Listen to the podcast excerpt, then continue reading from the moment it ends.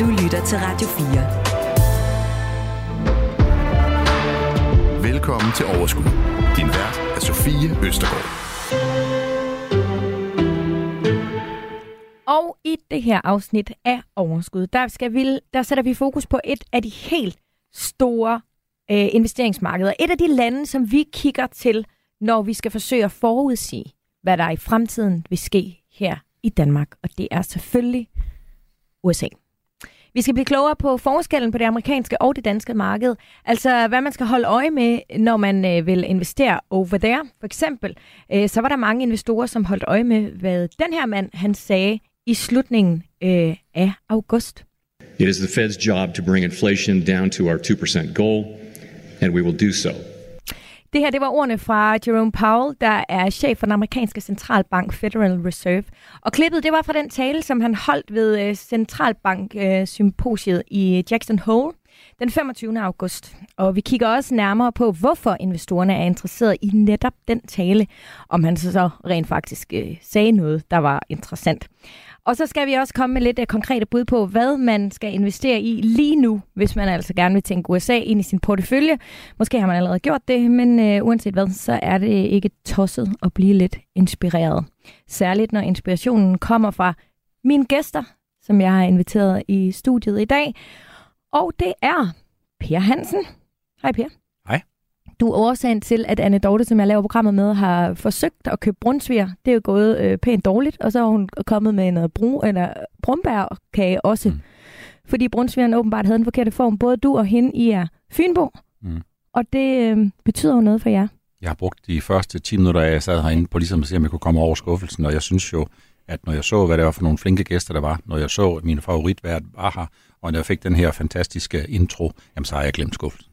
Det var godt. Og det handler simpelthen kun om udseendet, for vi har jo smagt på kagen, og den smager jo egentlig okay. Ja, ja. den faktisk. Godt, men man er vel ægte fynbone til to the bone. Udover det, så er du også investeringsøkonom, og du kommer fra Nordnet. Det gør jeg, ja. Velkommen til, Per. Mange tak. Andreas Søsterheden, velkommen til dig. Tak, Sofie. Du er ikke så vild med brun... Eller jo, du kan måske godt lide det, men du har ikke helt så fine følelser med din brunsviger som Per. Ej, det, det kan jeg ikke påstå, Nej. men jeg, jeg, jeg, kan, jeg kan ret godt lide den og kager generelt. Øh, og egentlig også jo fedtet jo bedre, og det er også derfor, jeg vil nok læne mig op af den, den traditionelle brunsviger. Øh, jeg vil kalde den her, vi har fået her, i virkeligheden lidt en snore, ja. hvis man ellers kan, kan kalde den det. Øhm, og så i sådan en, ja, en, en fin form. Mm. Øh, men men den, den, det er jo faktisk en af de tilfælde, hvor det netop er overraskende positivt. Ja. Øhm, og jeg ved ikke, om I kan overraske positivt, øh, ja, for jeg har høje forventninger til jer øh, alle tre. Men Andreas, du er i hvert fald øh, senior strateg, og du kommer fra Vanda Research. Det gør jeg. Velkommen til. Tak. Og sidst, men ikke mindst, så har jeg besøg af dig, Christian Jane Kongsted. Velkommen til. Tak. Du er medejer af Daytraded og Invested.dk. Det er jeg. Udover det, så er du også, øhm, øh, hvad hedder det, copy? Copy? Øh, nej, hold kæft, hvad hedder det? Hvad, hvad... Popular investor kan man kalde det, eller copy trader kan man måske også godt kalde ja, det. det var ja. det, jeg ville ja. frem til. Udover det, så er du også øh, copy trader på eToro, hvor øh, der er jo øh, folk, der kopierer dine investeringer, og der hedder du CPH Equities. Det er rigtigt. Så velkommen til dig, Christian, også. Jeg synes egentlig, måske det er mindre relevant at høre, hvad du mener om brunsvigeren, men i stedet vil jeg hellere høre, hvad du sådan, laver til dagligt øh, i dit øh, arbejde. Jamen, jeg sidder jo og investerer og trader og formidler investeringer og trading, så, øh, og, og det, der sker øh, hver eneste dag, det er, altså det, at jeg, jeg kigger på markedet, prøver at finde de bedste investeringer, og så bliver jeg kopieret af 15.600 mennesker med i alt øh, 191 millioner kroner. Så det er et stort ansvar, jeg har, og derfor gør jeg det bedste, jeg kan for at skabe et godt afkast.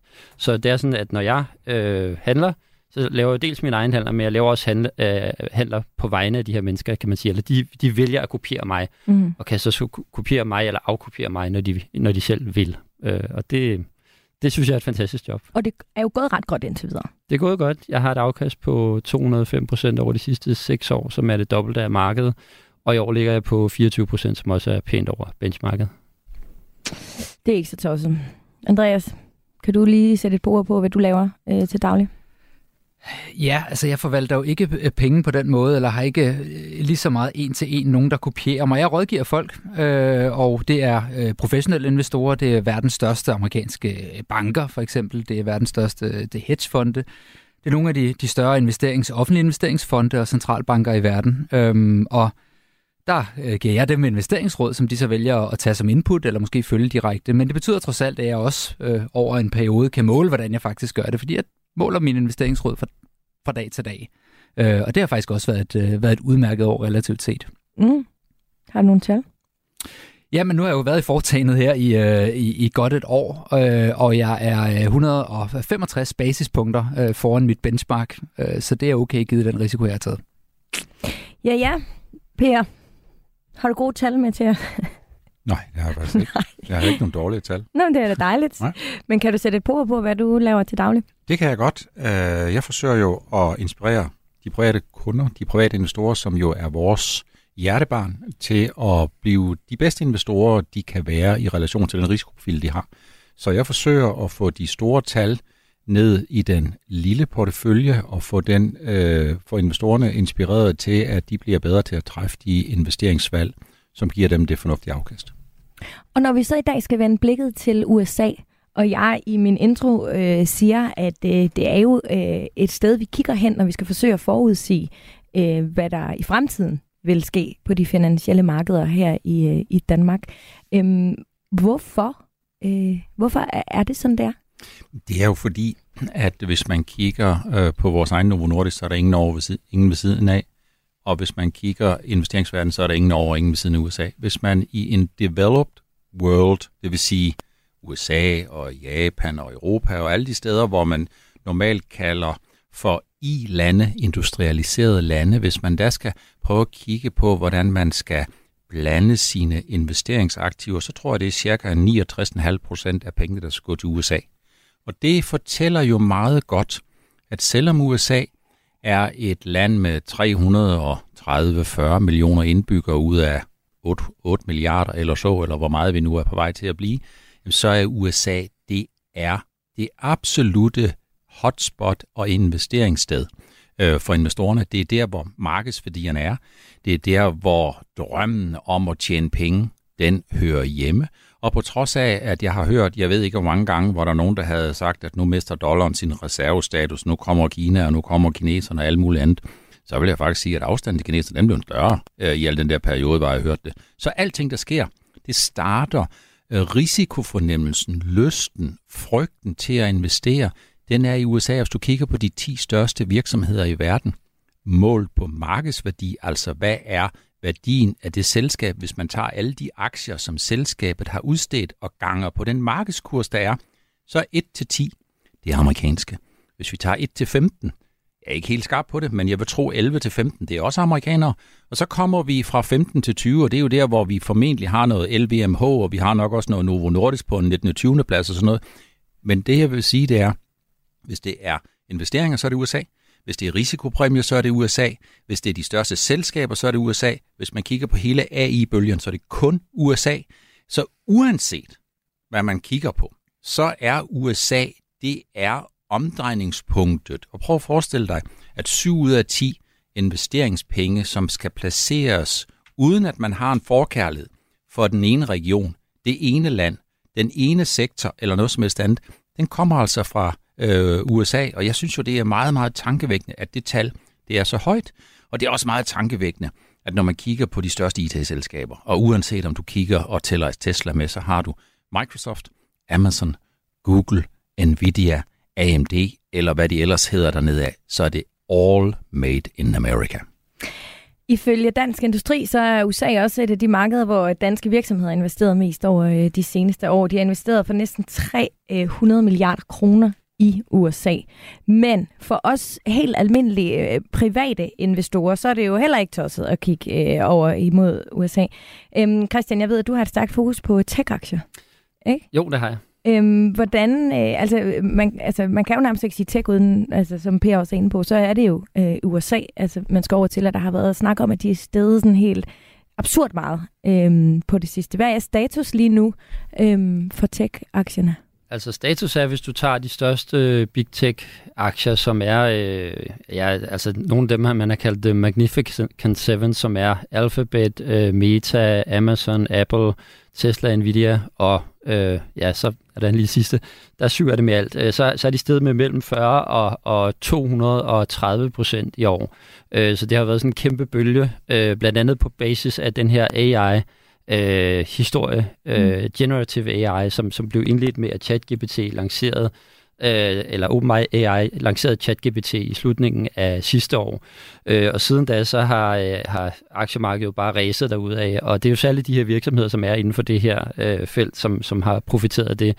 Jeg synes jo, det er nogle super spændende virksomheder, det er derfor, jeg investerer i USA, men man kan selvfølgelig godt sige, at status er, at vi har, øh, vi har taget, øh, altså, vi har taget et rigtig godt øh, ryg fremad her, øh, og det er jo sådan, at de her aktier, de er lidt mere volatile end aktiemarkedet som helhed, så når man har en aktie som Nvidia, som jeg også har i min portefølje, som er steget øh, 236 procent i løbet af de sidste syv måneder, så er det klart, at så er den øh, der, hvor nogen synes, at den er kommet lidt højt op, og hvor nogen begynder at tænke på, at der er fare for, at den, den ligesom kan øh, styrte ned. Øh, og der ved jeg som investor i Nvidia igennem de sidste otte år, at, øh, at der tager man altså nogle ture, både op og ned, så det, det, det svarer ikke engang til sådan en rutsjebanetur. Det er mere en af de der forlystelser, hvor man nærmest er i frit fald nogle gange, mm. og andre gange så ræser man opad med en raket. Og i løbet af de otte år, hvor jeg har haft den, det var så en pensionsportefølje, jeg havde, øh, er den sted med 800 procent, og der tog jeg faktisk lidt af toppen af her, inden det seneste regnskab, som så også var virkelig godt. Øh, så heroppe omkring 460, øh, 466 dollars havde jeg taget lidt af.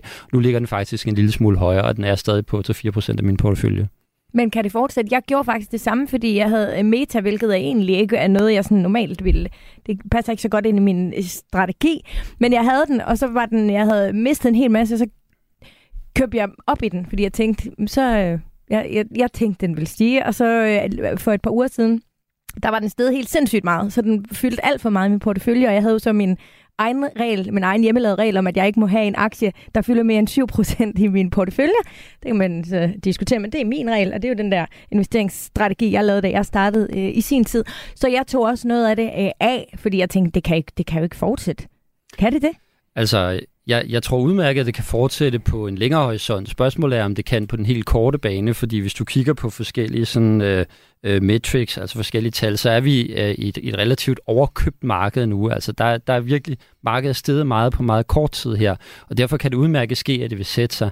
Men kigger du på en lidt, lidt længere bane frem, lad os sige 3, 5, 7 år, så mener jeg, at, øh, at de her virksomheder, som er de, de tidligere fangaktier, som måske minus øh, Netflix, har virkelig gode perspektiver foran sig, øh, fordi de er en del af det, som øh, definerer vores hverdag i dag, øh, den, den digital, øh, digitalisering, som er ved at ske med vores samfund, den digitale revolution, som på ingen måde er, er slut. Vi er faktisk kun i begyndelsen af den, og der er det altså de her virksomheder, der definerer det og kommer til at definere det resten af det her årti, og formentlig også nogle af de næste årtier. Det man selvfølgelig skal kigge efter, det er, at der nogle af dem, der er ved at blive dinosaurer, øh, fordi der har man det her med, at for eksempel IBM, øh, som, som i 80'erne var den største virksomhed, der, der sker det på et eller andet tidspunkt, at de ligesom bliver for komfortable i deres egne succes, eller Nokia er måske et andet eksempel på det, og så lige pludselig så glemmer de innovationen.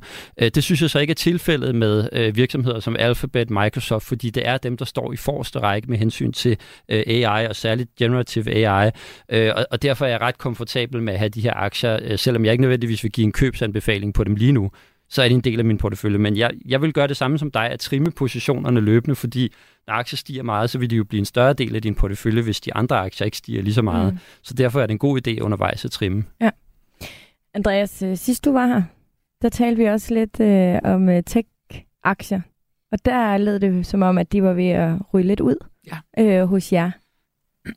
Jamen, vi, øh, vi, vi reducerede vores eksponering til tech-aktier for en fem ugers tid siden, øh, så lige før øh, vi rullede ind i, i august.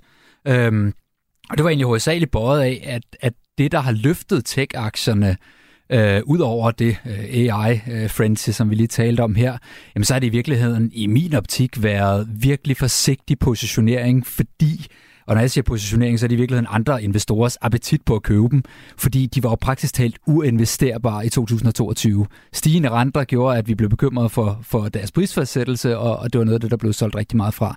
Så da vi, da vi kom ind i det her år, jamen, der, der fik det altså et rimelig godt boost af, at, at nogle af de her øh, short-positioner blev, øh, blev, blev taget af eller blev lukket. Øhm, så nu står vi sådan et eller andet vadested, hvor at positioneringen i, i overordnet set i markedet ser faktisk lidt neutral ud, giver mig ikke rigtig noget stærkt signal. Øh, positioneringen i tech ser stadig en lille smule for lang ud. Jeg tror stadig, det er de steder, vi kan se bliver reduceret over de næste tre måneder seks måneder. Øhm, så det, jeg egentlig søger hen i, det er i virkeligheden at brede mine investeringer lidt ud. Øh, mm. Ud af tech, ud i nogle af de mere defensive sektorer, kan jeg godt lide. Sidst der talte vi om øh, forsyning, og det har jo været nærmest den værste sektor her den sidste måned, så det har fået en lille hård medfart, men, men sådan er det jo nogle gange. Øhm, og så i virkeligheden noget af det mere rentefølsomme, som også så sjovt nok har fået en lidt uh, hård medfart her i august måned. Et af de steder, hvor da vi lagde investeringsstrategien i forgårs for den kommende måned, faktisk sagde, et af de steder, vi tror mest på, når vi bevæger os ud. Altså, det er vigtigt lige at huske på, i august måned, i forgårs, der havde vi det laveste handelsvolumen på et helt år. Så tit, der ser man altså det i august og måned. Og hvad betyder uh, la- laveste handelsvolumen? Det betyder, at folk er på ferie, simpelthen. Mm. De er væk fra deres skærme på stranden, og hvor det, hvad de du ellers uh, laver. Uh, og det betyder, at nogle af de markedsbevægelser, jamen, jeg tror, man skal passe på med at lægge alt for meget i dem. Altså, man skal mm. simpelthen passe på med at sige, at markedet stiger, fordi uh, X, Y, Z. så jeg tror i virkeligheden, når vi kommer tilbage på den anden side af ja, den her måned i virkeligheden, tilbage, når amerikanerne kommer tilbage fra ferie på tirsdag efter Labor Day, øh, så tror jeg, det er der, man i virkeligheden skal begynde at tænke, okay, så hvad skal vi så tænke ord, derfra? Andreas, I skulle måske lige have ventet en måned med at gå ud og tech og gå ind i noget af det andet. Øh, ja, nej, nej, det synes jeg nu ikke. Altså, nej, okay, det, godt. det, vil jeg ja, ikke sige. Godt, altså, lige på rentesiden vil jeg gerne vente lidt, men, men tech passer mig egentlig okay. Okay, godt nok. Men jeg vil gerne lige prøve at zoome lidt ud igen, fordi mm. hos øh, Vanda, hvad, hvad, hvad betyder det amerikanske marked øh, altså for jer? Hvor meget, hvor meget kigger I i den, når I skal finde derover, når I skal finde investeringer? Øh, sindssygt meget, øh, må jeg sige. Og det er jo et, et spørgsmål om, at det, det også er det mest likvide marked, vi har. Så når vores kunder skal ud og handle nogle aktier, øh, nogle obligationer, nogle derivater, altså nogle futures, nogle, øh, hvad hedder sådan noget, nogle øh, syntetiske øh, kontrakter, så er det bare der, man får det billigst, øh, hvis man skal handle større volumener. Og derfor er det også naturligvis der, hvor vi siger, okay, skal vi implementere noget? Nu er vi jo meget kortsigtet, det tror jeg også, vi talte lidt om sidst. Jeg kigger over på markedet sådan de næste tre, maks seks måneder, øhm, så er det også typisk noget, hvor vi går ind og så ud igen på et tidspunkt. Øhm, så, så det er naturligvis en af grundene til, at, at amerikanske aktier er, er, er noget af det, vi kigger på. Det andet, og jeg synes faktisk, Per beskrev det rigtig godt lige før, er, at jamen, som verdens største økonomi, så er det der, vi alle sammen kigger hen, når vi skal finde ud af, skal vi ind i en ny lavkonjunktur, skal vi ind i en ny højkonjunktur. Øhm, det er verdens vigtigste arbejdsmarked i den forstand, at det er verdens vigtigste forbruger. så vi holder rigtig meget øje med det. Det var særligt spændende i lyset af den arbejdsmarkedsrapport, som, som kommer øh, i morgen, øh, øh, fra vi optager podcastet i dag. Øhm, og, øh, og, og dermed sagt, hvordan skal væksten være de næste øh, 3-6 måneder, jamen så er det bare alfa og omega, fordi lige nu i verdensøkonomien, der står vi et sted, hvor det vi ser ud af Kina, som jo er en anden velkendt vækstmotor, det ser bare super svagt ud. Øh, der er stadig problemer med boligmarkedet, og regeringen er ikke villig til at give den stimulans, der skal til. Så det er et eller andet sted, øh, det, det, det tager dem lidt ud af ligningen på kort sigt, og gør, at vi faktisk fokuserer endnu mere på USA. Ja. Kan du lige bare lige knytte ganske kort, dem der ikke lige ved, hvad sådan future og det, som du omtalte lige før, vil du lige bare lige sætte et par ord på, hvad det er? Ja, så det kan være forskellige kontrakter, hvor man ligesom aftaler, og, og at om en måned, der, der køber jeg til en vis pris. Øh, det kan også være, der er også nogle kontrakter, der er struktureret sådan, at man, man, man har en mulighed for at købe og ikke skal købe. Øhm, så, så det er bare en anden måde at handle. I stedet for at ligge og handle enkeltaktier for eksempel, så kan man handle et helt indeksaktier, man kan gøre det på en, på en rimelig billig måde. Mm. Per, jeg ved, du taler meget om, at, eller meget meget, du taler så meget om alt muligt, men, du, men du taler i hvert fald også om, at, øh, at øh, USA de har en stærk innovationskraft. Hvad mener du med det? Og hvad betyder det for markedet? Jamen, hvis man skal prøve at omsætte det til noget, så hvis man ser nogle gamle film omkring den amerikanske drøm, så ved man jo, hvorfor alle dem, der udvandrede til USA, det var måske både fordi de havde en udlængsel, men for også fordi de havde en drøm. Og når man kigger i USA, jamen, så er det sådan, at det er jo der, hvor øh, de innovative idéer som udgangspunkt inden for teknologi, de kommer. Så når det er sådan, at man i Danmark sidder og, og river sig selv i håret over, at vi ikke har flere nystartede virksomheder endnu for innovative teknologier uden for Medico Valley, for der er vi jo altså verdensmester, jamen så er det jo fordi, at incitamenterne ikke er der. Så er det fordi adgang til den risikovillige kapital ikke er der. Så er det fordi, at vi ikke tænker på, hvor dejlig en brunsøger vi skal købe, men vi tænker på, at det er vigtigt, at vi skal kunne skære den i 122 stykker, sådan så uanset om vi til sidst har så små stykker, at vi risikerer at skære fingrene af os selv, så skal vi være sikre på, at vi deler alle værdierne ud lige. Og det har en enorm effekt for så vidt angår lysten til at starte virksomhed. Det har en enorm effekt for, så vidt angår professionalisering af hele det der start-up-miljøs formidling af, hvad børsnoterede selskaber er, og hvad det vil sige at være børsnoterede selskaber. Og det har en enorm effekt for så vidt angår adgangen til risikovillig kapital. Jeg håber sådan set, at der er nogle politikere, der lytter med. Øh, jeg tror faktisk, vi har rigtig mange dygtige øh, iværksættere. Øh, mm. vi mangler noget professionalisering, når vi kigger i selskaberne, så mangler vi noget professionalisering i ledelse og i bestyrelser på iværksætterne. Det mangler vi rigtig meget af. Alle dem, der kender mig, de ved, at det her det er altså ikke noget, jeg har fundet på i går. Det er noget, jeg har sagt hundredvis af gange. Ja. Så mangler vi noget adgang til risikovillig kapital, og så mangler vi nogle, nogle politikere, som enten holder op med at snakke om det her, fordi de ikke ved noget om det, eller også vedkender sig, at det første, man skal, hvis man er landmand, det er ikke at købe en majtasker, men det er at se, om man har noget jord og noget apparat og noget kapital, der gør det legitimt, at man senere skal bruge majtaskeren, og majtaskeren, der tænker jeg selvfølgelig på skatteindtægterne.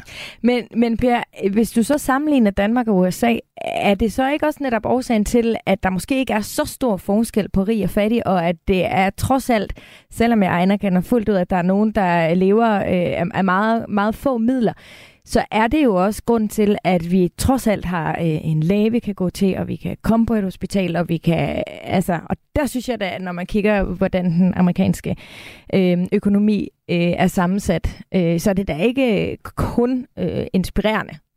Nu tænker du jo og taler du jo om fordelingspolitik, og, og i den her scene. Og så Men jeg synes bare, brunsvind, der blev delt op i 110 stykker, det måske også havde lidt med det at gøre. Om, i, om iværksætteri, og jeg synes, man skal dele de der to ting op, fordi jeg er jo meget stor tilhænger af, at vi skal lære af hinanden. Mm. Så jeg tror på, at den danske model har betydelige styrker. Men jeg forstår ikke, hvorfor der er så mange, der undrer sig over, hvorfor tingene lige nøjagtigt inden for værk, iværksætteri er, som de er. For en naturlig konsekvens af den samfundsmodel, vi har, og ikke mindst at vi jo har de politikere, som vi har stemt ind og valgt ind. Og senest, og de sidste par dage, har der jo været øh, nogle aviser, der bringer en historie om, at hvis man er iværksætter, så kan man på basis af lærerbeskatning komme til at blive sat i skat af en gevinst, som man aldrig nogensinde havde. Og det er jo, øh, det er jo ja, der er jeg bare nødt til at, at melde øh, klart ud og sige, det er jo toppsykopatisk. det, det er jo simpelthen dumt. Kan du forestille dig, at du har en situation, hvor du bliver sat i skat af en indtægt, du aldrig har haft? Altså, det vil jeg i hvert fald være utrolig ked af. Ja, det, det vil jeg, det, du kan godt se det. Du kommer hjem til din mand og siger, den er ikke så god. Den er Nej. ikke så god, siger han så. Ja, men det er fordi, at uh, der er nogen, der snakker om, at jeg havde en årsindtægt på 1,6 uh, øh, millioner kroner, og det skal jeg selvfølgelig betale min helt almindelige samfundskontrakt med, med uh, topskat af, så der er lidt, lidt fradrag, lidt dill og daller. Så når vi kommer op på noget, der ligner 600.000, nye regler 750.000, men af resten, der skal jeg så betale øh, 55 procent. Du skal dog ikke betale top, top, top, top, top skat. øh, øh, men øh, så spørger din mand så, ja, har, er pengene, er, er de på vej ind på kontoen? Så siger de, nej, men det er noget, vi har snakket om. Det er sådan nogle papirpenge noget, men skatten, den har jeg fået. Den skal jeg betale. Altså, vi, vi, vi kommer, vi nærmer os et andet program vil jeg sige. Men øh, jeg, synes, jeg synes selvfølgelig, det er relevant. Men kan vi, altså, blive enige om, altså når du taler om, at vi kan blive inspireret af USA og deres innovationskraft, så er det ikke hele deres øh, fordelingsøkonomi. Det er ikke deres samfundsmodel. Deres Nej, samfundsmodel, den, den spiser jeg faktisk ikke ind på. Jeg har Nej. været i USA en 3-4 gange. Jeg har været der på et amerikansk universitet i nogle måneder. Det er et fuldstændig fantastisk sted. Amerikanerne er nogle fantastiske mennesker. Vi har været der som turister. Altså, der findes jo ikke noget sted, som er så nemt at komme til som USA. Alting virker.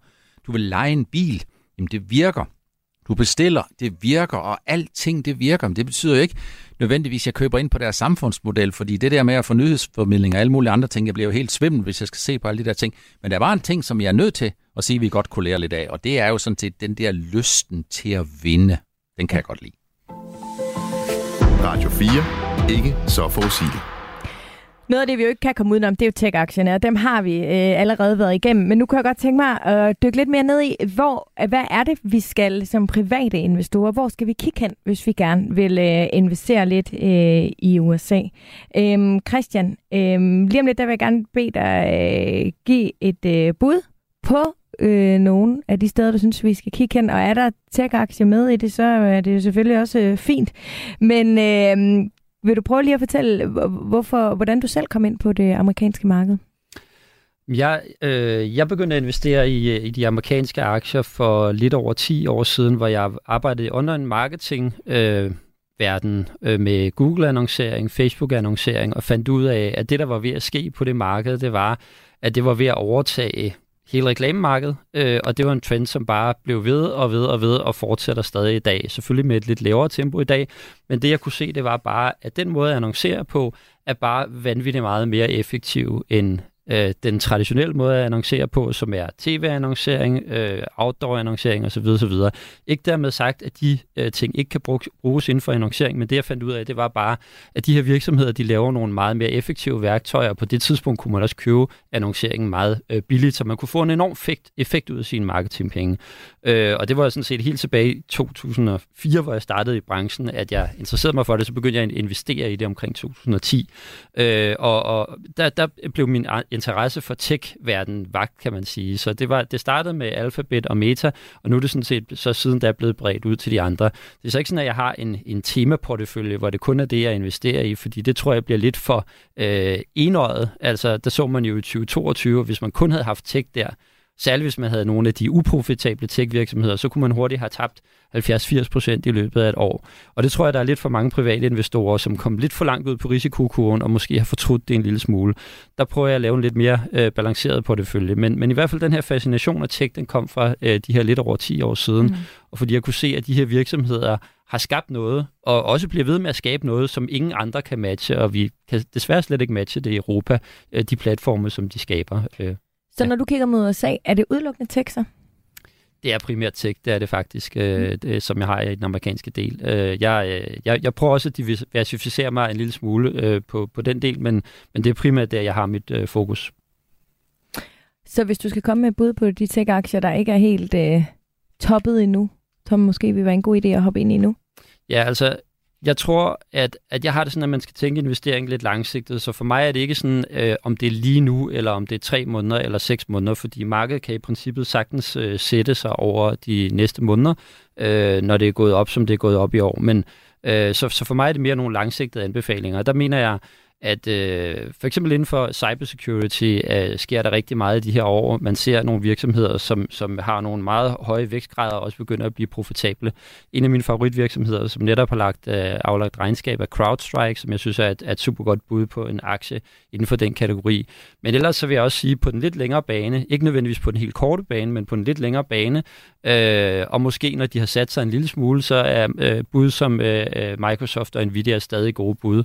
Øh, det kan godt være, at de skal korrigere en lille smule, og man så kan samle op stille og roligt, men øh, kigger man frem på en 5-7 års horisont, så tror jeg, at hele den her bølge omkring generative øh, AI, den kommer til at betyde rigtig meget. Øh, og øh, særligt Microsoft har jo en utrolig god forretning øh, på en masse andre punkter, så de er ikke engang sådan rigtig afhængige af, at det her det virkelig lykkes, øh, men de har en, øh, en stærk position der. Alphabet har også en stærk position der, men har en god grundforretning, så de er heller ikke afhængige af, at det her det, det sådan bliver til noget virkelig stort, øh, men samtidig så er de helt ledende inden for det her. Og Alphabet er, er jo øh, har formentlig et produkt i skuffen, som er bedre, meget bedre end ChatGPT, og det ventes, at de lancerer her senere på året. Og det tror jeg bliver interessant at følge, fordi de er faktisk selvom de øh, har gået lidt stille med dørene, så er de faktisk førende på det her, den her teknologi, og, og sagde allerede, jeg tror det var tilbage i øh, 2016 eller 17, at de vil være en AI first, first øh, virksomhed, øh, og, og har meget længere end øh, alle andre virksomheder været inde i det her game, og, og defineret, øh, hvad det er, der betyder noget øh, inden for AI. Per? Et rigtig godt eksempel på, hvorfor de amerikanske virksomheder de har verden på sig selv, det er jo, ligesom Christian siger, øh, Europa, ja, AI. Det, øh, I USA, det betyder AI, det betyder all in. Øh, og øh, du tror måske, det betyder artificial intelligence. det, Jamen, det er all in. Det betyder all in. Øh, så amerikanerne, de er bare all in, og der er bare fuld gas på. Øh, og mens amerikanerne de finder ud af, hvordan de skal vækste de her virksomheder 20, 30 og 40 procent, så har vi i Europa, der sidder vi og kigger på, og nu må vi nok snart se at få brudt de her monopol. Så i Europa, der sidder der nogle embedsmænd og kvinder, og kigger på, hvordan de skal bryde de amerikanske selskabsmonopoler, og i mellemtiden så siger amerikanerne, vi træner videre, vi arbejder videre. Det er den ene ting. Det er jo lysten til at vinde, som er bare sådan, i USA der er det the winner takes it all, og øh, det er faktisk noget af det, som øh, jeg er blevet snydt af mange gange. Jeg er blevet forbavset over, hvordan noget, et aktiv, som gør det rigtig, rigtig fint, det kan egentlig øh, blive prissat til stratosfærisk, og det er faktisk et af de budskaber, som jeg håber, at man tager med herfra i dag. I USA, der spiller prisen ingen rolle. For prisen på et aktiv, som for alle folk vil have, kan ikke blive så stor, at flertallet med det samme sælger varen. Til gengæld, så kan prisen på en virksomhed, som ikke leverer, som ikke vokser, den bliver sådan set ikke så tilstrækkeligt lav, så alle folk de bare skynder sig ind for at købe den. Så prisen spiller med andre øh, ord ingen rolle. Jeg er blevet snydt af det en hel del gange. Jeg forstår det simpelthen ikke, for min fantasi den slår ikke øh, til, men jeg blev snydt af det. Den tredje ting, det er, hvis man kigger på AI og kigger på øh, USA, og man har Europa, så har man måske Japan, det hører måske ikke så meget, men vi hører en hel del om Kina. Men Kina, de spiller jo enten deres kort forkert, det svarer til, at man øh, øh tror, man spiller 500, så viser det sig, at man spiller halv 12, eller, øh, eller blackjack, eller hvad det nu hedder. Så Kina har jo også nogle selskaber, der kan noget inden for det her. Men Kina bliver ikke globale. Og hvorfor bliver de ikke globale? Det gør de ikke, fordi hvis vi kigger tilbage på TDC, og så var der noget med, at der har stået i børsen og i Bloomberg, der var en historie om Huawei, som gerne vil ind og have en fem, femte generations kontrakt, og så var der nogle politikere, og de var lidt bange, og kineserne, de skal give, øh, eller selskaberne, kan blive tvunget til at give dataen tilbage til osv. osv. osv. Så kan man forestille sig, at Baidu, som er Google på kinesisk, og både kan AI til fingerspidserne og har selvkørende biler, og er blevet den første, lige blevet godkendt som den første øh, AI, øh, chat generative et eller andet, som må noget i Kina og har lidt marked for sig selv. Kan man forestille sig, at den bliver en integreret del af det europæiske og amerikanske system? Nej, det kan man ikke. Mm. Fordi lige snart du er inde i infrastrukturen, så siger man, det der made in China, det er sikkert meget fint, det skal vi ikke have noget af.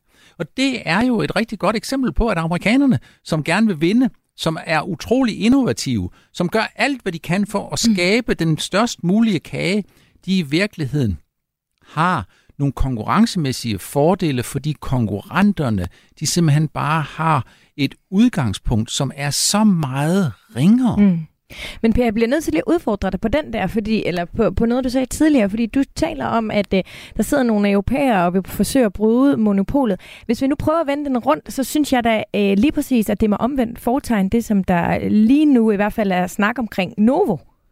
Altså, hvor der faktisk sidder øh, nogen på det amerikanske marked, og egentlig gerne vil sætte en stopper for, at Novo de skal kunne omsætte så meget. Mm.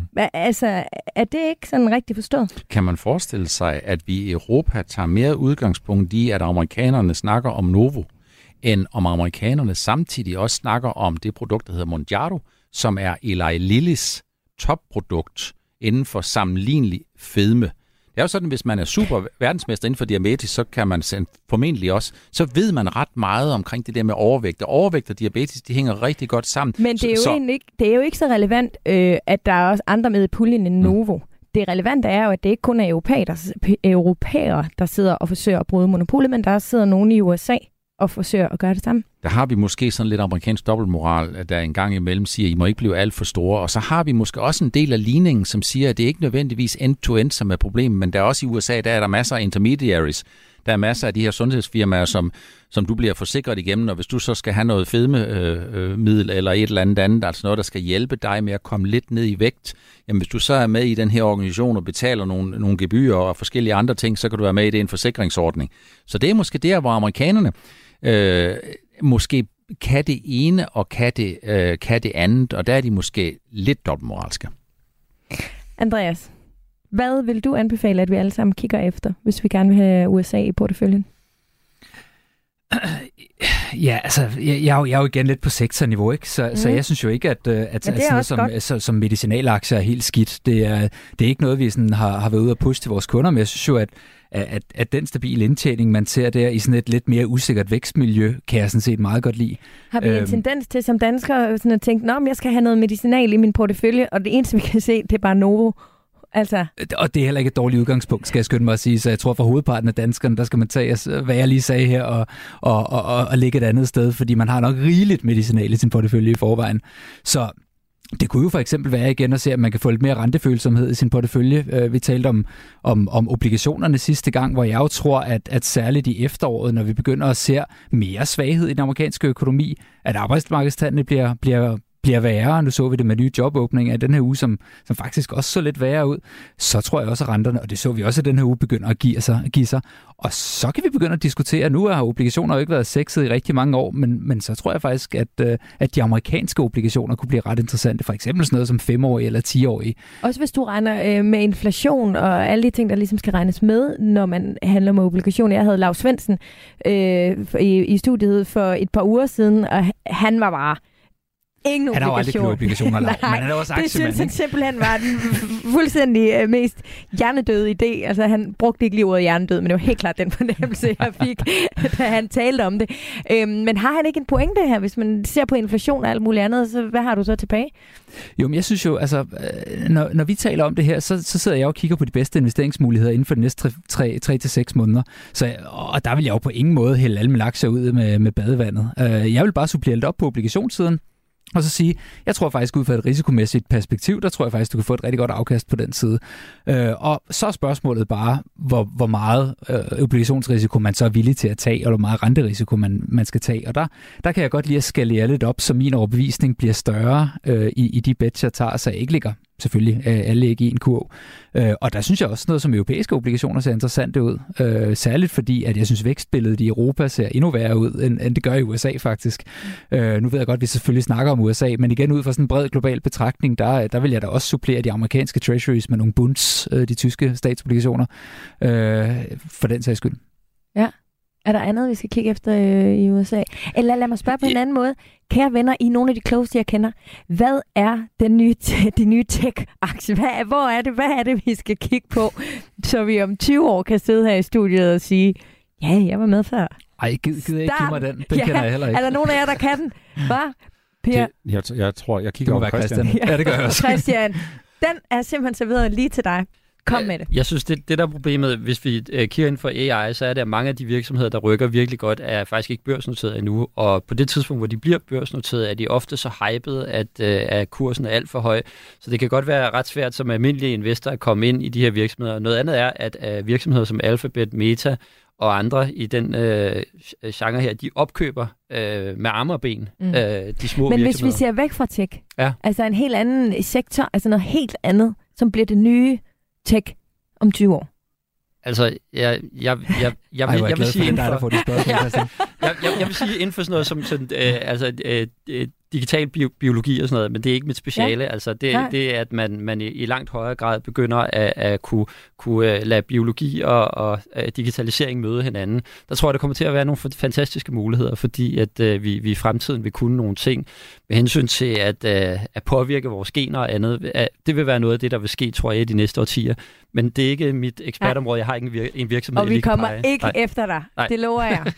det er meget sjovt alligevel lige at stille spørgsmålet, ikke?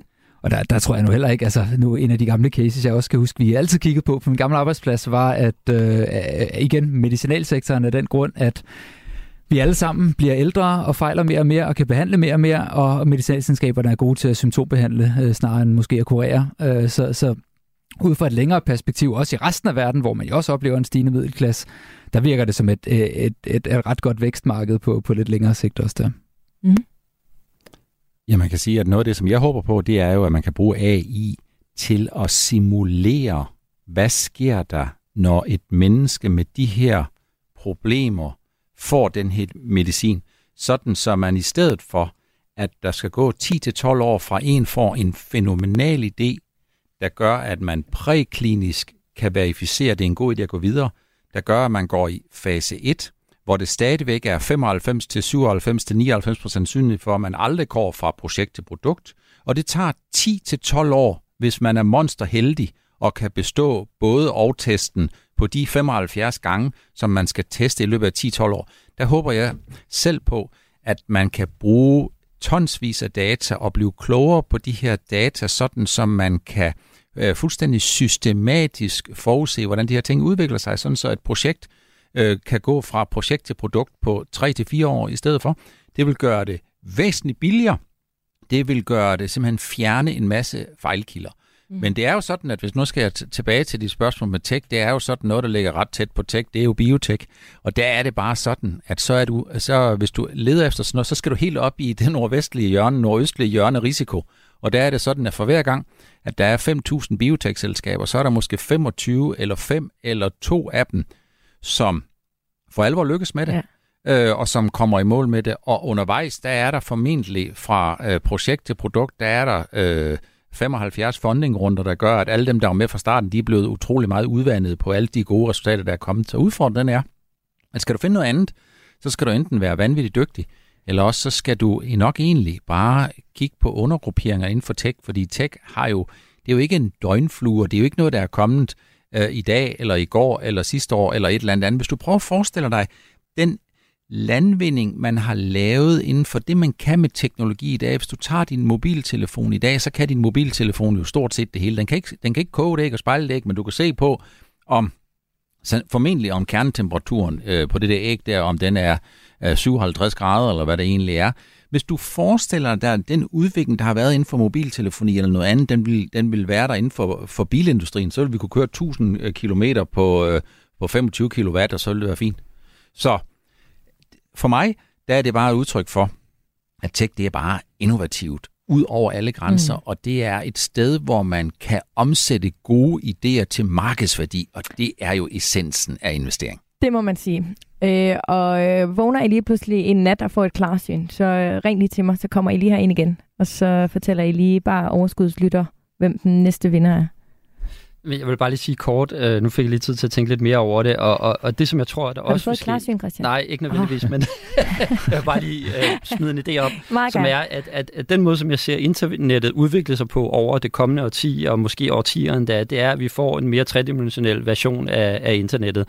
Nogle har kaldt det the metaverse, øh, og nogle af de virksomheder, som er positioneret for inden for det, og nu tænker jeg ikke specielt på meta, men måske øh, en virksomhed som Roblox for eksempel, som, som øh, børn og altså øh, sige, den gruppe, som er fra 8 til 13 år, som spiller utrolig meget i det univers, det at man kommer til at kunne øh, flytte ting mellem de her universer, og internettet bliver tredimensionelt, det, det tror jeg er en udvikling, som, øh, som helt sikkert vil ske. Øh, det kan godt være svært at spotte vinderne inden for det, men det er noget, man kan holde øje med, mm. fordi øh, den her idé om, at vi ligesom klikker os rundt mellem hjemmesider og sidder og læser tekst og sådan noget, det, det er helt sikkert noget, som, som vil komme til at blive disrupted og ændret over de kommende årtier. Radio 4. Ikke så forudsigeligt. Vi skal se lidt nærmere på, øh, hvad der kan påvirke det amerikanske marked, og dermed jo også i sidste ende vores eget. Øh, og vi skal ikke spole tiden længere tilbage end til slutningen af august. Her blev der nemlig øh, afholdt øh, centralbank-symposium øh, i Jackson Hole i USA. Øh, hvert år sidst i august, der afholder USA's centralbank øh, Federal Reserve et øh, arrangement for verdens ledende økonomer og centralbankmedlemmer. Og verdens investorer, de holder jo et vågent øje. Jeg tænker også, at de øh, har fulgt lidt med derover. Men især hvad øh, Jerome Powell, der er chef for den amerikanske centralbank, har at sige. Og nu skal I prøve at høre, hvad han blandt andet har at sige. It is the Fed's job to bring inflation down to our 2% goal, and we will do so. We have tightened policy significantly over the past year. Although inflation has moved down from its peak, a welcome development, it remains too high. We are prepared to raise rates further if appropriate and intend to hold policy at a restrictive level until we are confident that inflation is moving sustainably down toward our objective. Ja, som ventet, så talte mm. centralbankchefen altså om, at kampen mod inflation, den endnu ikke er overstået, selvom der er tegn på bedring. Øh, og selvom inflationen er aftaget fra toppen, øh, en kærkom udvikling, så er den fortsat høj. Øh, og vi er klar til blandt andet at løfte renten yderligere, hvis det er nødvendigt, sagde han. Altså, jeg ved ikke med jer, men jeg har en lille bitte smule sådan, at når de taler derovre, så kan jeg ikke lade være med at sådan Altså, lige tage det med grænsat. Altså, vi taler altså om en nation, der når de lige, så hæver de lige gælds, altså, gældsloftet og så videre. Altså, hvor jeg tænker sådan, hvem er det egentlig, der har styr på økonomien derovre? Altså, jeg kan uden at vide, jeg ved jo slet ikke lige så meget som jer, men jeg kan godt blive sådan lidt bekymret for, altså, om de overhovedet er styr på det, eller om de bare sådan blaffer lidt med vinden, Andreas. Ja, det, det tror jeg egentlig også, vi andre tænker nogle gange. det kan være, jeg, jeg, jeg i tale sætter det måske på en lidt mindre... Øh. nej, men du har fuldstændig ret, og du siger det, vi alle sammen i virkeligheden sidder og tænker nogle gange.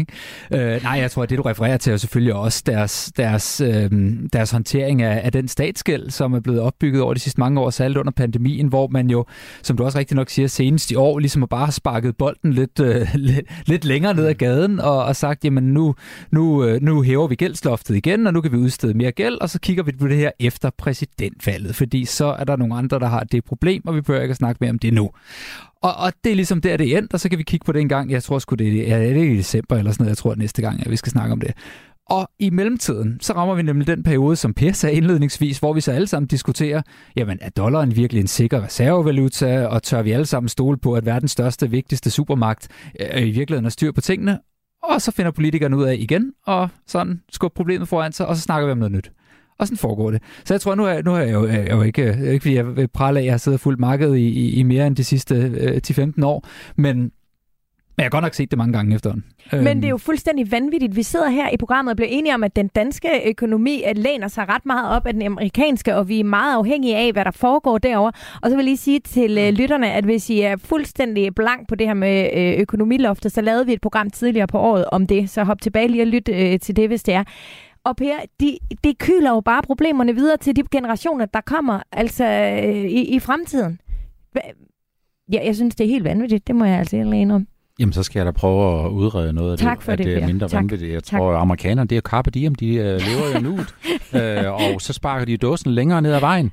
Uh, og hvis jeg nu skal prøve at svare på det spørgsmål, du stillede, hvem er det, der har styr på tingene? Ja. Jamen, det vil jeg faktisk godt uh, give dig uh, svaret på. Det kan jeg entydigt sige.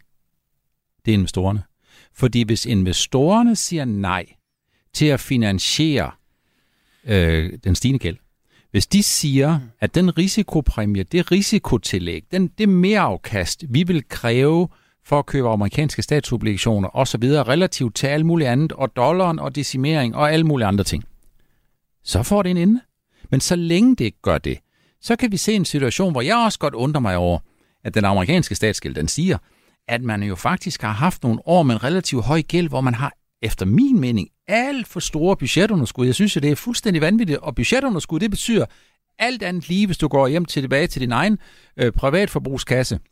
Budgetunderskud, når man kigger på statslig øh, sammenhæng, så betyder det, at man giver simpelthen flere penge ud, end man får ind, og hvis det er din egen privatøkonomi, så har du større privatforbrug, end du har indkomst efter skat øh, og, og før øh, ting og sager. Så, så man kan sige, øh, jeg er forbavset over, at det der, det kører, men det er altså bare sådan, at amerikanerne, de tror på markedskræfterne, og så længe markedskræfterne er villige til at finansiere den amerikanske økonomi, den amerikanske privat forbruger, så kører det her videre, og det er fuldstændig rigtigt, som Andreas han siger, så øh, er der gældsloftet, så siger vi, nå ja, okay, gældsloftet, ting og sager, så ser vi at komme videre, fordi der er en masse snak om det, og det handler jo i virkeligheden kun om, at politikerne de får lov til at i talesætte sig selv, og næste gang, det kan være i i december. Og så kigger vi i øvrigt på, at amerikanerne har jo nogle cyklus, og cyklus det er næste gang, det er 2024, og skal Donald Trump, han skal vælges. Altså, altså noget her, som på vores breddegrader virker jo fuldstændig vanvittigt, fordi mm. vi diskuterer øh, holdbarhedsprincipper, og,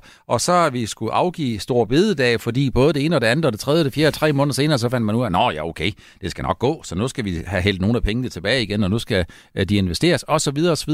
Den amerikanske dagsorden er en helt anden kaliber. Og nu skal de kigge på, om de skal genvælge eller ikke genvælge Donald Trump. Og under Donald Trump, der er det altså også sådan, at statsøkonomien udviklede sig faktisk ikke i retning af, at man havde styr på underskuddet, at man havde styr øh, på gældsætning og ting og sager. Overhovedet ikke, for det er slet ikke i fokus. Det er kun i fokus den dag, hvor dem, der skal købe den amerikanske gæld, dem, der skal finansiere og kræve den rente, de skal have for at du må overforbruge, overspendere og overlåne, kommer op til et niveau, som er for stort til, at man vil acceptere det den dag. Og hvem er man? Og hvornår stopper man med at nogen, acceptere det? Det er jo så nogen, som Andreas han snakker med, der ligesom siger, hvad er et risikotillæg for en amerikansk fordring? Skal vi have det risikotillæg i form af, at en amerikansk 10-årig obligation skal give 200 basispoint eller 2,0 procentpoint i mere rente,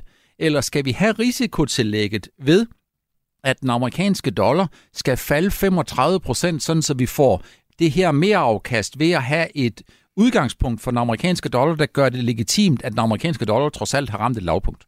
Og Andreas, er det noget, altså, der overhovedet bliver talt om, eller er det bare... Faktisk sjovt, du siger det, fordi det er noget, vi netop har talt om her i august måned, hvor de lange renter begyndte at stige på en måde, hvor vi havde lidt svært ved at forklare det, og det var særligt det var sådan, så at sige en styling af rentekurven, så de, de steg også øh, mere end, end de korte. Øh, og det var der noget, der fik nogle af de her øh, ja, øh, hedgefonde og andre til at sige, er det nu, vi skal til at prise det her ind? Mm. Øh, og nu er de så faldet lidt tilbage igen på lavere vækst. Øh, så, så det er sådan nogle, det kommer op fra tid til anden, men jeg tror ikke, det for alvor er noget, som nogen handler på endnu. Øh, simpelthen fordi, at alt er jo på en eller anden måde en relativ suppe her i verden. Ja. Øh, og så længe det er, øh, jeg tror på engelsk siger vi the cleanest dirty shirt, øh, så, øh, så, så holder vi jo stadig alle sammen dollars. Og du siger endnu. Hvad sker der den dag, hvor øh, nok er nok, og, og investorerne ikke vil? Altså ja. kan man forudsige altså, det? Nej, det kan man heldigvis ikke, for hvis man kunne det, så var det jo både kedeligt og alt muligt andet. Så kunne man ikke få et risikotillæg. Det er lidt ligesom, når der er nogen, der siger, at vi er trætte af, at aktier de bevæger sig så meget, så siger jeg, at det skal du faktisk ikke være så træt af, for hvis ikke aktier de bevæger sig meget, så har du ikke noget alibi for at forvente et mere afkast. Et risikotillæg kalder man det. Så på den måde, så kan man sige, at det er jo en del af den uforudsigelige verden. Og så kan du sige, hvornår sker det? Tja, det kommer lidt an på, hvem der ejer den amerikanske statsgæld, fordi hvis nu man for eksempel kigger i Japan, så har Japan, de har jo egentlig bare strukturelt haft et eller andet, et eller andet gæld, som er langt, langt større end den årlige værdi af deres bruttonationalprodukt. Hvorfor er det ikke noget problem? Men det er fordi, et langt stykke hen ad vejen, så er det japanerne selv, der ejer det. Så de har sådan en indlandsdomineret gæld, og det vil sige, så får det ikke i meget stort omfang umiddelbart på kort sigt en meget stor valutapåvirkning, så er der ikke alle de her strømninger. Så hvis nu kineserne på et eller andet tidspunkt alle sammen vi tager deres statsobligationer selv ud af dem. Ikke fordi de vil være sure på amerikanerne, fordi de har brug for pengene på deres hjemmemarked, fordi de har øh, de er lidt udfordret med hensyn til væksten, og de har en ejendomssektor, som er lidt øh, problematisk, og de vil ikke rigtig stimulere mere i ejendomssektoren, men forsøger faktisk efter min mening at se, om de kan få nogle folk over i aktier. Det er noget af de der små ting, de laver. Jeg ved ikke, om det lykkes, men de forsøger faktisk ved hjælp af nogle små ting at få folk lidt væk fra ejendomsmarkedet. Men hvis nu kineserne siger, de amerikanske statsobligationer, vi har, dem, dem skal vi ikke have mere. Vi, vi skal ikke have sådan nogen. Så sælger vi bare ud. Vi sælger alt det, vi ejer og har. Men så kan det godt være, at vi kommer til at være i en situation, hvor det i sig selv presser markedsrenterne opad og får nogen til ligesom at spørge sig selv, hvem er det, der skal købe de papirer, som kineserne gerne vil af med, og skyldes det, at kineserne er sure på amerikanerne, eller skyldes det, og er det tegn på, at markedet og risikopræmien det, den, det mere afkast, du skal have for at påtage, påtage sig en risiko, den nu er kommet til USA, og nu skal amerikanerne altså til at stramme bæltet ind. For hvis de skal til at stramme bæltet ind, så betyder det, at de ikke længere, de skal faktisk ikke have, ikke kun have balance, de skal faktisk have overskud på det primære budget, nu bliver det lidt teknisk, men de skal have overskud på statsbudgettet før rentebetalinger, og hvis de skal det, så skal du have flere skatteindtægter og færre udgifter. Hvis du skal have flere skatteindtægter og færre udgifter, i modsætning til i dag, hvor du har mange flere udgifter, end du har indtægter, mm. så får de jo en ret markant væksteffekt. Ja. Christian, øh, de her øh, politiske udtalelser, hvad, hvad har de her betydning for dig, når du investerer i USA? Altså det, det, der har betydning, er jo øh, selvfølgelig i meget høj grad, hvad der sker med, nej, med renten i USA. Det er, det er noget, der har stor betydning, og, og hele, hele den her øh, diskussion omkring statsgælden er jo noget, der er rigtig svært at handle på, kan man sige, eller rigtig svært at time. Hvis det bliver et problem, bliver det så et problem om, øh, om et år eller to år, eller bliver det nogensinde et problem?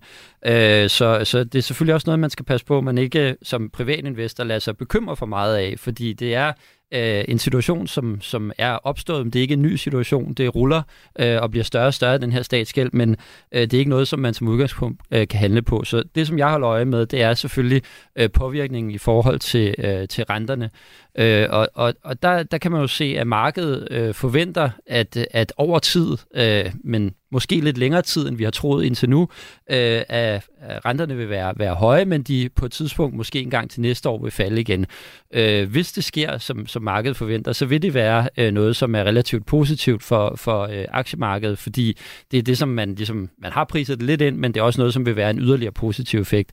Det er så også en af grundene til, at markedet er steget i år, fordi man ligesom har kigget lidt frem i tiden og kigger på inflationen ser ud til at falde, måske kan renterne falde en gang til næste år, og det er jo også det, som, som mange øh, af de aktører, der er i centralbanken, selv forventer. Øh, og hvis, øh, hvis det er tilfældet, så, så kan man jo egentlig kigge ind i en fremtid, som måske ikke er så dårlig alligevel. Så jeg tror også, man skal passe på at ikke blive alt for nervøs som privat mm. investor, og, ja. og egentlig prøve, prøve at, at være investeret i markedet i så vidt omfang, som man nu har mulighed for. Ja, jeg, bare lige hurtigt, to, to hurtige kommentarer, fordi jeg kan ikke lade være med at, ikke at reflektere over, at, at nu sidder vi faktisk og snakker om, om politik og centralbanker, som om det nærmest er det samme, fordi, og jeg tror i høj grad, det er fordi, at under pandemien, jamen, så har det faktisk været en lige så vigtig faktor, hvad politikerne har gjort mm. øh, i USA, som det har været med centralbanker. Havde du spurgt mig for før pandemien, tre, fire år siden, så har jeg sagt, lad være med at høre på dem. De er fuldstændig ligegyldige. Ja. Øhm, og det har bare ændret sig øh, ja. markant anderledes. I forhold til de her større investorer, så er det noget af det, vi sidder og kigger på. Sådan, hvem kunne finde på at købe og sælge over den næste måned? Og der er faktisk en, bare en, lille sjov, øh, en lille sjov bemærkning til det, du siger omkring med at forudse, om japanere for eksempel køber øh, statsobligationer, om kinesere gør, hvor det er lidt svært at finde ud af, hvad den kinesiske centralbank gør. Det har lidt at gøre med, om de synes, deres valuta er for stærk eller svag. Så er der faktisk en tendens til, at de øh, japanske investorer køber lidt mere, når de går ind i september. Simpelthen den effekt, at de kommer tilbage fra ferie, sender børnene i skole og, og hopper tilbage og, og, og sidder foran skærmene. Så der ser vi faktisk sæsonmæssigt en lille hop i deres, øh, i deres aktivitet i, i amerikansk statsproduktion. Mange tak, fordi I tre ville øh, være med i dag og rejse en lille tur over Atlanten, over til øh, det amerikanske land. rigtig spændende. God inspiration. Tak til dig, P. Hansen fra Nordland, og Andreas Østerheden. Vanda, Vanda Research den er altså lidt svær. Vanda Research, og ikke mindst uh, Christian Jane Kongsted fra Daytrader og uh, Invested.dk. Det var en kæmpe fornøjelse at få lov til at være med. Jamen, det håber jeg. Jeg håber også, at I alle sammen vil tage et stykke kage med ud af døren. Tak for Brunsviger, inden, I, inden I smutter. Hvis jeg kommer ind igen, så tager jeg selv ind med det. Laver ja, hjemme. Ja, gør det, gør det. Det siger vi lige til Anne Dorte, som jo faktisk har været med til at tilrettelægge programmet her sammen med mig, Anne Dorte Lind. Og husk, at du altid ind på vores uh, Facebook-gruppe kan uh, stille lidt spørgsmål eller komme med en kommentar, eventuelt en idé til et uh, fremtidigt tema. Her er det vidunderligt. Pas godt på din økonomi, og ikke mindst dem, du holder af. Jeg levede, jeg levede som kriminel i seks måneder. Jeg var med til at sælge stoffer. Jeg stod med folk med skyder knive, kæmpe poser kok og distribueret. Det sidste måltid er tilbage med en ny sæson. Jeg blev sat ind i en rockerborg. Så sidder vi og spiller poker. Med nye gæster og nye samtaler om det liv, der er levet. Det er en drøm at prøve, men det er ikke et liv, jeg har lyst til at leve. Og den død, der venter efter den sidste bid. Jeg kan garanteret komme i spillet for at sidde og sige sådan noget. Lyt til det sidste måltid i Radio 4's app, eller der, hvor du lytter til podcast. Radio 4. Var det det? Det var det. Ikke så forudsigeligt.